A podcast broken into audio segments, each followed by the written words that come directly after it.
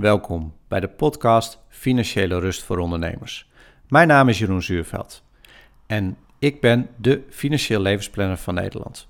Ik help ondernemers om hun dromen om te zetten naar financiële realiteit. Vandaag wil ik het graag met je hebben over het nieuws. Namelijk de val van Rutte 24 en wat dit betekent voor de financiële keuzes die ik maak en die ik aan mijn klanten adviseer. Want wat ik namelijk zie in de val van het kabinet is een bewijs van een bepaalde trend waar we in zitten. Een lange termijn trend die nog maar heel weinig mensen zien. Ik graag deel ik met je vandaag mijn perspectief op de economie en de wereld waar we in zitten. En dat doe ik omdat ik bij heel veel klanten merk dat er een soort van ongemak is. Ongemak over waar we bijvoorbeeld heen gaan met dit land en hoe de politiek werkt en hoe mensen met elkaar omgaan. En ik denk dat het enorm helpt om hier perspectief in te plaatsen, want dat geeft namelijk heel veel rust. Het maakt het soms niet beter, want eerlijk gezegd denk ik dat we niet op dit moment in een hele fijne economische situatie zitten. En ook niet in een fijne politieke situatie en in onze samenleving ook niet. Maar het helpt enorm om er een stukje afstand van te kunnen nemen en te kunnen zien waar we in zitten en waar we waarschijnlijk naartoe gaan.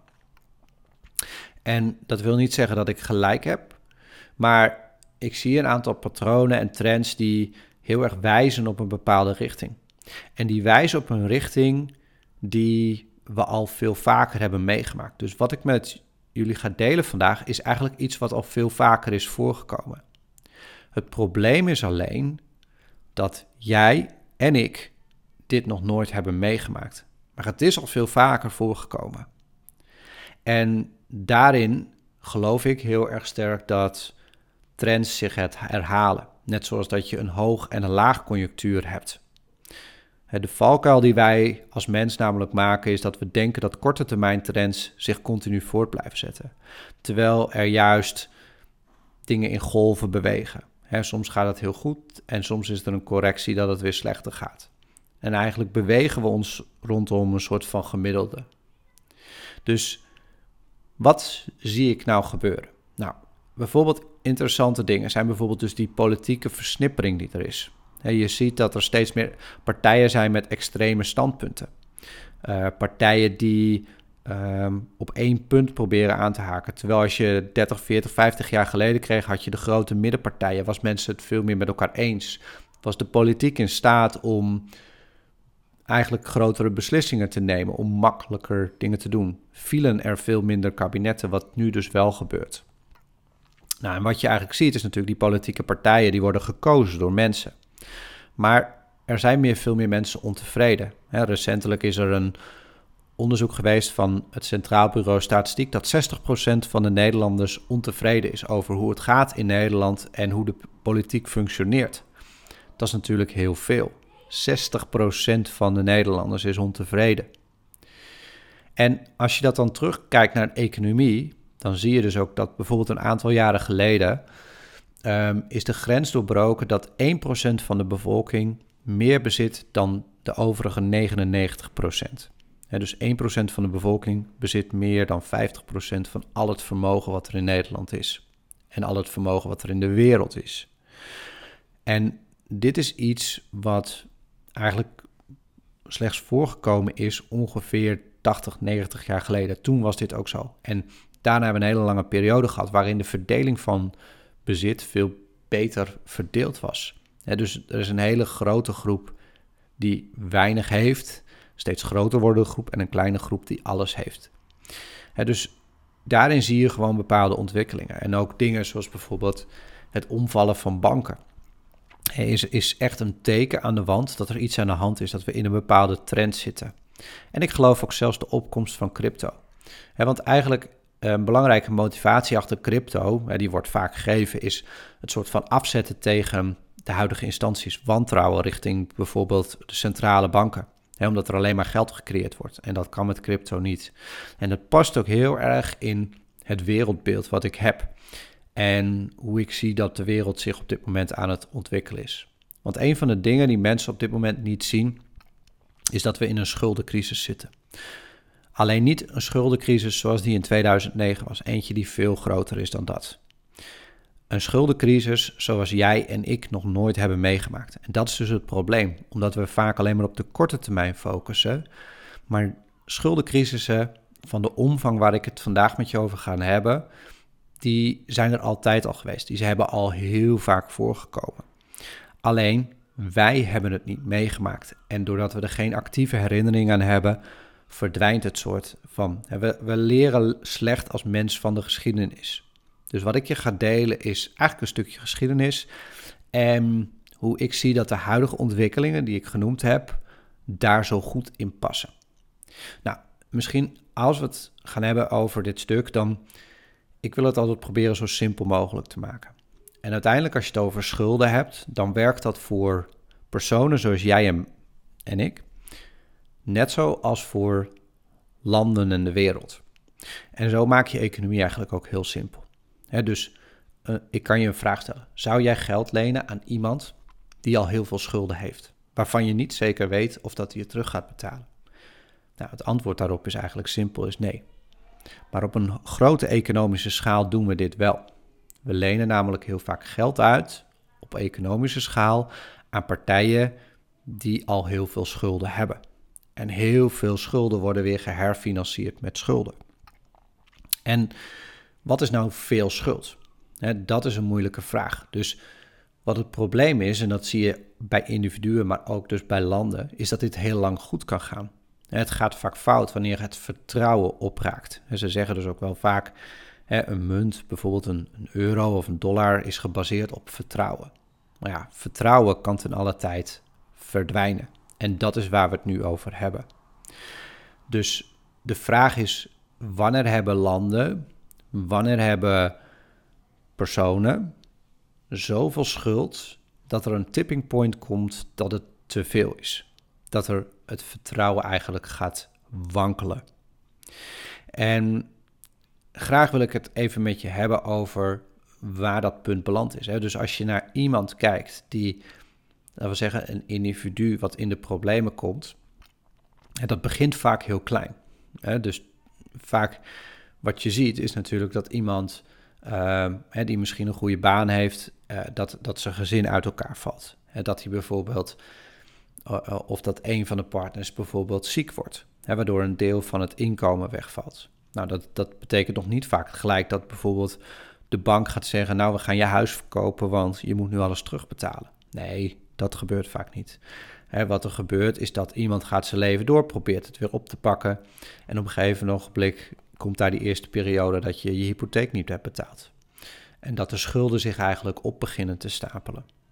En die schulden stapelen zich eigenlijk op tot het moment dat je ziet dat je schulden niet meer met schulden kan financieren. Er is een bekend fenomeen bijvoorbeeld, uh, met name uit Engeland en Amerika, waar mensen heel makkelijk um, creditcards kunnen krijgen, is dat ze eigenlijk een creditcard open om de schuld van een andere creditcard weer mee af te betalen. En je ziet dus eigenlijk dat er een punt komt dat eigenlijk schulden alleen nog maar gefinancierd kunnen worden met schulden. En op een gegeven moment breekt natuurlijk dat punt. Want op een gegeven moment komt er een punt waarop een nieuwe creditcardmaatschappij zegt van... ho, stop, wij gaan jou geen geld meer geven. Of waarin een schuldeiser zegt, nu wil ik mijn geld terug, nu wil ik zien dat je ook werkelijk betaalt. En daar gaat het mis. Alleen heel vaak weten we dat punt niet wanneer dat komt. En dat werkt dus ook zo op een grote economische schaal in landen. dat vertrouwen, dat kan soms in één moment weg zijn. Nou, waarom zeg ik eigenlijk dat we in een schuldencrisis zitten? Nou, wat je ziet in de wereld is dat er eigenlijk de economie bestaat uit een soort van golfjes. we hebben korte termijn golfjes die misschien in een jaar gebeuren. Dus waarin je ziet dat bijvoorbeeld de beurzen bijvoorbeeld licht stijgen of licht dalen. dus bijvoorbeeld in 2023 is het eerste half jaar zijn de beurzen sterk gestegen. En eigenlijk veel sterker dan men had verwacht. En simpelweg wat je dan kan verwachten is dat als de beurzen heel sterk stijgen, ga maar eens naar een gemiddelde grafiek kijken, over bijvoorbeeld beurskoersen, eigenlijk hoe sterker koersen stijgen, hoe sterker ook de daling zal zijn. Nou, dan zijn er ook nog altijd de soort van middellange golven. En die middellange golven die bestaan eigenlijk uit wat ze wel noemen business cycles of bedrijfscycli. Dus de hoog- en de laagconjunctuur. En wellicht heb je dit wel eens gehoord vroeger met economie. En wat je ziet is eigenlijk dat gemiddeld gezien stijgt de productiviteit, hè, dus de dingen die wij maken, stijgt gemiddeld met ongeveer 2% per jaar. En waardoor komt die productiviteit bijvoorbeeld, als je kijkt naar de afgelopen decennia, is natuurlijk de technologische ontwikkeling, uh, misschien nu robotica. Um, in de jaren 90 was het vooral de chemische ontwikkeling. Um, als je nog verder teruggaat, misschien de industriële revolutie. Dus je ziet dat wij als mens, we, we, we innoveren. En eigenlijk onze stijging in productiviteit is heel stabiel. Alleen wat je ziet is dat die stijgingen vaak in golven komt. Dus af en toe gaat het ineens sneller en vervolgens daalt het weer. En, maar we bewegen rondom het gemiddelde. En eigenlijk werkt die middellange termijn net zoals de korte termijn. Dus hoe sterker die stijging is, is vaak ook wil zeggen dat de daling daarna ook weer harder is. Maar je hebt dus golven van, laten we zeggen, 1, 2 jaar en golven van ongeveer 7 tot 10 jaar. En dat is eigenlijk ook zelfs iets wat vaak geroepen wordt. Hè? Dus de laatste echt grote crisis was 2009 met de financiële crisis. En daarna hebben we natuurlijk de coronacrisis gehad.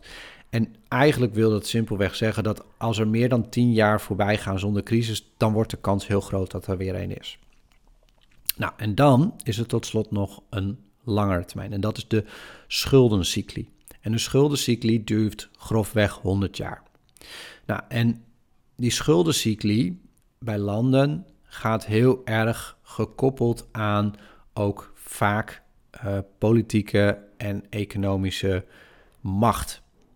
dus wat je ziet is dat wij zijn eigenlijk allemaal opgegroeid in een wereld waarin Amerika het grootste, sterkste land ter wereld is. Het land wat de meeste invloed heeft over de hele wereld. En dat is eigenlijk sinds de Tweede Wereldoorlog is dat een feit.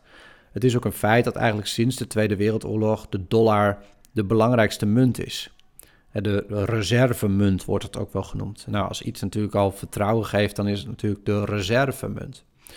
Maar voordat Amerika deze positie had, had Engeland deze positie. Engeland heeft deze positie gehad eigenlijk tot de Tweede Wereldoorlog. Tot ze op een punt kwamen dat hun economie eigenlijk overbelast was. Dat ze te veel schulden hadden ten opzichte van wat er geproduceerd was. Dat er te veel geïmporteerd werd ten opzichte van wat er geëxporteerd was. Dat ze een leger hadden wat ze eigenlijk niet konden ondersteunen. En toen werden ze uitgedaagd onder andere door Duitsland en Japan. En uiteindelijk is uit die Tweede Wereldoorlog is Amerika als sterkste partner gekomen. Nou, en als je nog verder terug gaat in de geschiedenis, dan overkwam eigenlijk Nederland precies hetzelfde. We kennen allemaal de Gouden Eeuw. Maar de Gouden Eeuw kwam ten einde doordat Nederland te veel schulden had. Doordat Nederland eigenlijk leefde op de pof. En Engeland veel productiever was. Dus Engeland heeft uiteindelijk de machtspositie van Nederland overgenomen, waar die uiteindelijk weer door Amerika is overgenomen. En als je natuurlijk verder kijkt naar de toekomst, dan zie je eigenlijk dat de logische opvolger van Amerika zal denk ik China zijn en misschien India ook nog wel. India heeft denk ik ook een hele goede uitgangspositie om misschien wel het machtigste land ter wereld te worden. Dus wat denk onvermijdelijk is, is dat in de toekomst we in een wereld gaan leven waarin China of India de machtigste landen ter wereld zijn. En niet langer Amerika en de, plu, de paraplu waar wij altijd onder gefunctioneerd hebben. En wat je natuurlijk ziet is dat die overgang van macht van het ene land naar het andere vaak turbulent is geweest. En dat is dus de periode waar we nu in zitten.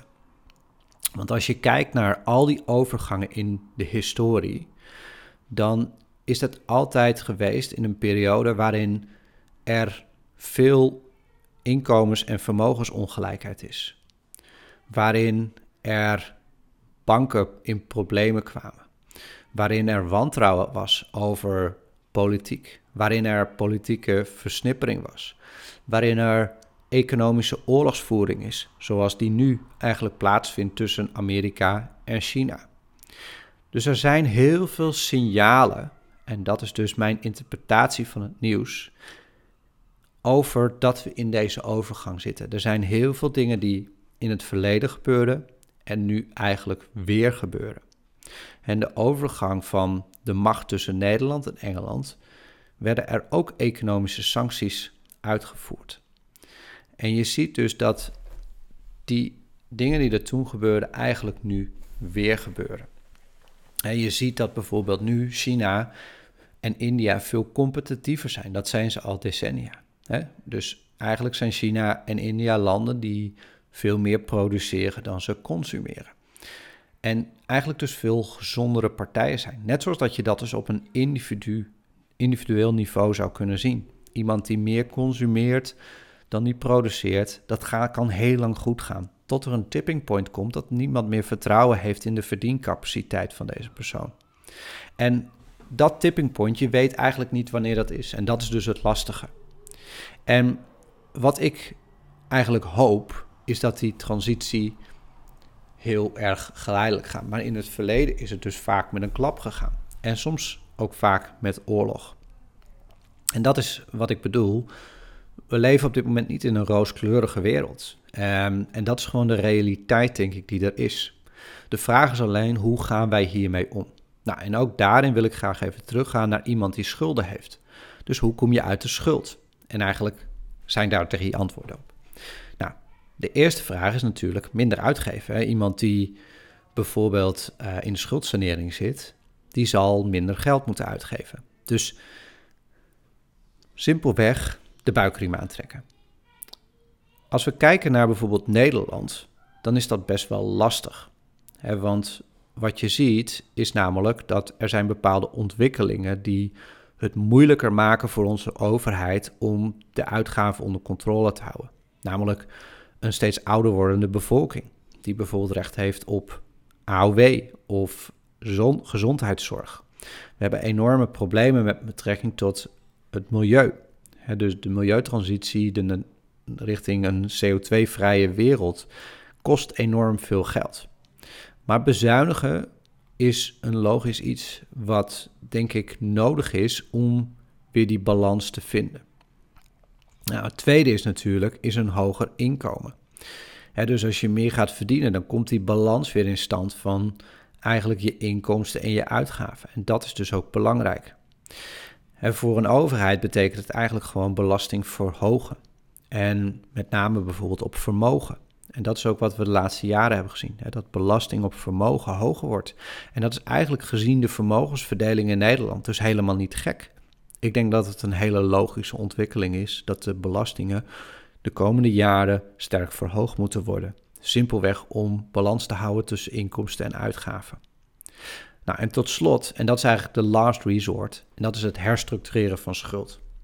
En wat je bijvoorbeeld in Amsterdam ziet, is dat als iemand in de schulden komt, dan worden zijn schulden overgenomen vaak door de gemeente Amsterdam. Dus ze worden eigenlijk gebundeld, waardoor iemand uh, één partij heeft om aan te spreken, waardoor het eigenlijk voor deze persoon overzichtelijk wordt. En er eventueel schuldsanering kan plaatsvinden, waarin er afspraken zijn met schuldeisers om een deel van de schuld kwijt te stellen. Nou, vergelijk dit maar eens met bijvoorbeeld Griekenland. Griekenland had natuurlijk allerlei schulden en kon die niet terugbetalen. En uiteindelijk is de, hè, wat ze toen noemden de trojka, onder andere de Europese Unie, is daar ingestapt om die schulden te herstructureren. Om betere voorwaarden af te spreken, zodat Griekenland in staat zou moeten zijn om eruit te komen. En wat je dus eigenlijk ziet, is dat we zitten denk ik op een punt waarin Amerika de wereldmacht is, maar Amerika nu al tientallen jaren eigenlijk schulden heeft. Schulden die groter zijn dan de productiviteitsgroei. En de ontwikkeling op het gebied van investeringen die nodig zijn in bijvoorbeeld infrastructuur, milieu en de demografische ontwikkeling waar steeds meer ouderen zijn, zal het zeer lastig maken voor overheden in de westerse wereld om sluitende begrotingen te maken. Dus de schulden blijven eigenlijk doorlopen. En dat is denk ik ook een belangrijke verklaring waarom de inflatie zal aanhouden. Nou, wat zijn nou de lessen eigenlijk die je kan leren hieruit? en, en eigenlijk is de belangrijkste les die ik hieruit trek, is dat in essentie is het belangrijk om op de korte en op de lange termijn inkomsten en uitgaven in balans te hebben. En dat geldt eigenlijk net zoals met de klanten waarmee ik werk. Heel veel klanten verdienen meer dan wat ze uitgeven. Alleen als we kijken naar de lange termijn, dat is het inzicht wat een financieel plan biedt, is dan zie je gewoon dat het op de lange termijn niet klopt. Dat ze eigenlijk veel meer geld opzij zouden moeten zetten om later ook voldoende te hebben. dus we, we kunnen niet blijven doorschuiven naar de toekomst. En dat is een belangrijke les die er is. Nou, voor de rest wat je dus ziet, en dat geldt zowel op individueel als op, op landsniveau, is dat het lastig is om bij te sturen. En vaak gaat het in één keer met een grote klap. En daarom, als je dus kijkt naar de toekomst, dan denk ik dat het heel erg belangrijk is, is om niet je geld te investeren in bijvoorbeeld schulden. Want die schulden die worden vaak soms in één klap niets meer waard. En juist wat verstandig is, is te investeren bijvoorbeeld in gezonde landen, in gezonde bedrijven. Dus bijvoorbeeld je geld te spreiden over landen waar wel een sluitend huishoudboekje is. Of bedrijven die bijvoorbeeld veel aan het buitenland verkopen. Die dus eigenlijk ook vaak een stabiele balans hebben en die meer winst maken dan uitgaven. Want wat je dus ziet in het verleden is dat die transitie van tussen machtshebbers, die duurt dus vaak ongeveer 100 jaar. Nou, we zitten eigenlijk nu op ongeveer 90 jaar. Dus de kans, als je naar de historie kijkt, is net zoals dat er eigenlijk iedere 7 tot 10 jaar een, een depressie is, hè, een, een neergang van de economie, is het eigenlijk logisch dat iedere 100 jaar gemiddeld er een overgang is in machtshebbers. En die ontwikkeling zie je natuurlijk gaande, want de groei van de economie van China en India is veel groter dan die van Amerika en Europa. Dus het is een kwestie van tijd voordat zij economisch het meest machtig zijn en daarmee ook de machtigste leger zullen hebben en de machtig, grootste invloed zullen hebben in de wereld. En als je dus kijkt naar het verleden, dan is iedere munt ooit namelijk in waarde gedevalueerd of verdwenen. Nou, en bijvoorbeeld mooi voorbeeld, de gulden, daar geldt beide voor. Nou is het verdwijnen van de gulden heeft natuurlijk te maken met de oprichting van de euro. Maar de gulden is aan het einde van de Gouden Eeuw waardeloos geworden. Omdat niemand nog vertrouwen had in de gulden en dat het geld wat geleend was aan de Nederlandse overheid ooit weer terugbetaald werd. En ik wil dus niet zeggen dat dat met de euro ook gaat gebeuren of de dollar. Maar het feit is wel dat dit in het verleden keer op keer op keer gebeurd is. Dus de grote valken, en daar begon ik ook al mee, is dat eigenlijk wat, wat we zien, is dat we denken continu dat korte termijn trends zich voortzetten. we schrikken soort van dat de huizenmarkt weer daalt, maar dat is toch logisch als je ziet hoe hard die gestegen is. Op iedere markt is dit iets wat continu plaatsvindt. Alleen waar we het dus nu over hebben, zijn eigenlijk lange termijn trends. Waarbij ik ook gelijk wil zetten, is dat ik de toekomst niet kan voorspellen. En je weet gewoon niet wanneer dit plaats gaat vinden, wanneer dit gaat gebeuren. Maar de realiteit is wel dat we in een turbulente tijd zitten. En dat ik denk dat je je dus kan voorbereiden hierop door dit in perspectief te nemen. Dat je je financiële positie hierop toe, op toe kan spitsen, maar ook kan leren van, oké, als je met dit perspectief naar de wereld kijkt, wat vertelt het nieuws mij dan? En dat is dus de les die ik trek uit het kabinet. Het is feitelijk voor mij een bevestiging van dat hè, de, de economische ontwikkelingen zo zijn dat er grote verschillen zijn tussen mensen, dat mensen ontevreden zijn, dat, dat de politiek daar een uitvloeisel van is. En dat is eigenlijk een soort bewijs dat we dus weer behoefte hebben aan balans. We hebben weer behoefte aan harmonie. En om dat te krijgen zal er een nieuw evenwicht moeten komen. En, dat, dat is denk ik gewoon heel erg belangrijk. En wat we dus moeten weten is dat, eh, ik vind een prachtige uitspraak is, life is risky, you're not gonna get out alive. Weet je, eigenlijk gaat financiën voornamelijk over het leren omgaan met risico's. Inzicht in je risico's en daarop acteren. En dat is eigenlijk ook wat ik heel vaak met klanten doe kijken van, oké, als je nou kijkt naar je financiële situatie, wat is die balans op de korte termijn? Wat is die balans op de lange termijn? Rekening houdend met verschillende scenario's. En de les die we dus moeten leren eigenlijk uit de val van het kabinet, is dat we, als je kijkt naar je financiën, dat je anders moet omgaan met je geld. Anders moet omgaan omdat wat we geleerd hebben de laatste 50 jaar, wat veilig is, kan de volgende 50 jaar wel eens niet veilig zijn. En juist wat niet veilig is, kan veilig worden. Um, en dat is eigenlijk waar we ons op moeten voorbereiden. Leren van het verleden en juist het perspectief van het verleden laten zien als iets wat ons richting kan geven, waar we van kunnen leren. En hopelijk niet in dezelfde situatie als de jaren 40 van de volgende, vorige eeuw komen. Nou, wil je hier meer over weten? Wil je eens kijken hoe jij je beter kan uh, toespitsen op de toekomst? Dat er meer balans is tussen nu en later en dat je voorbereid bent op verschillende economische situaties. Dat je daar in hoeverre je kan je op voorbereidt.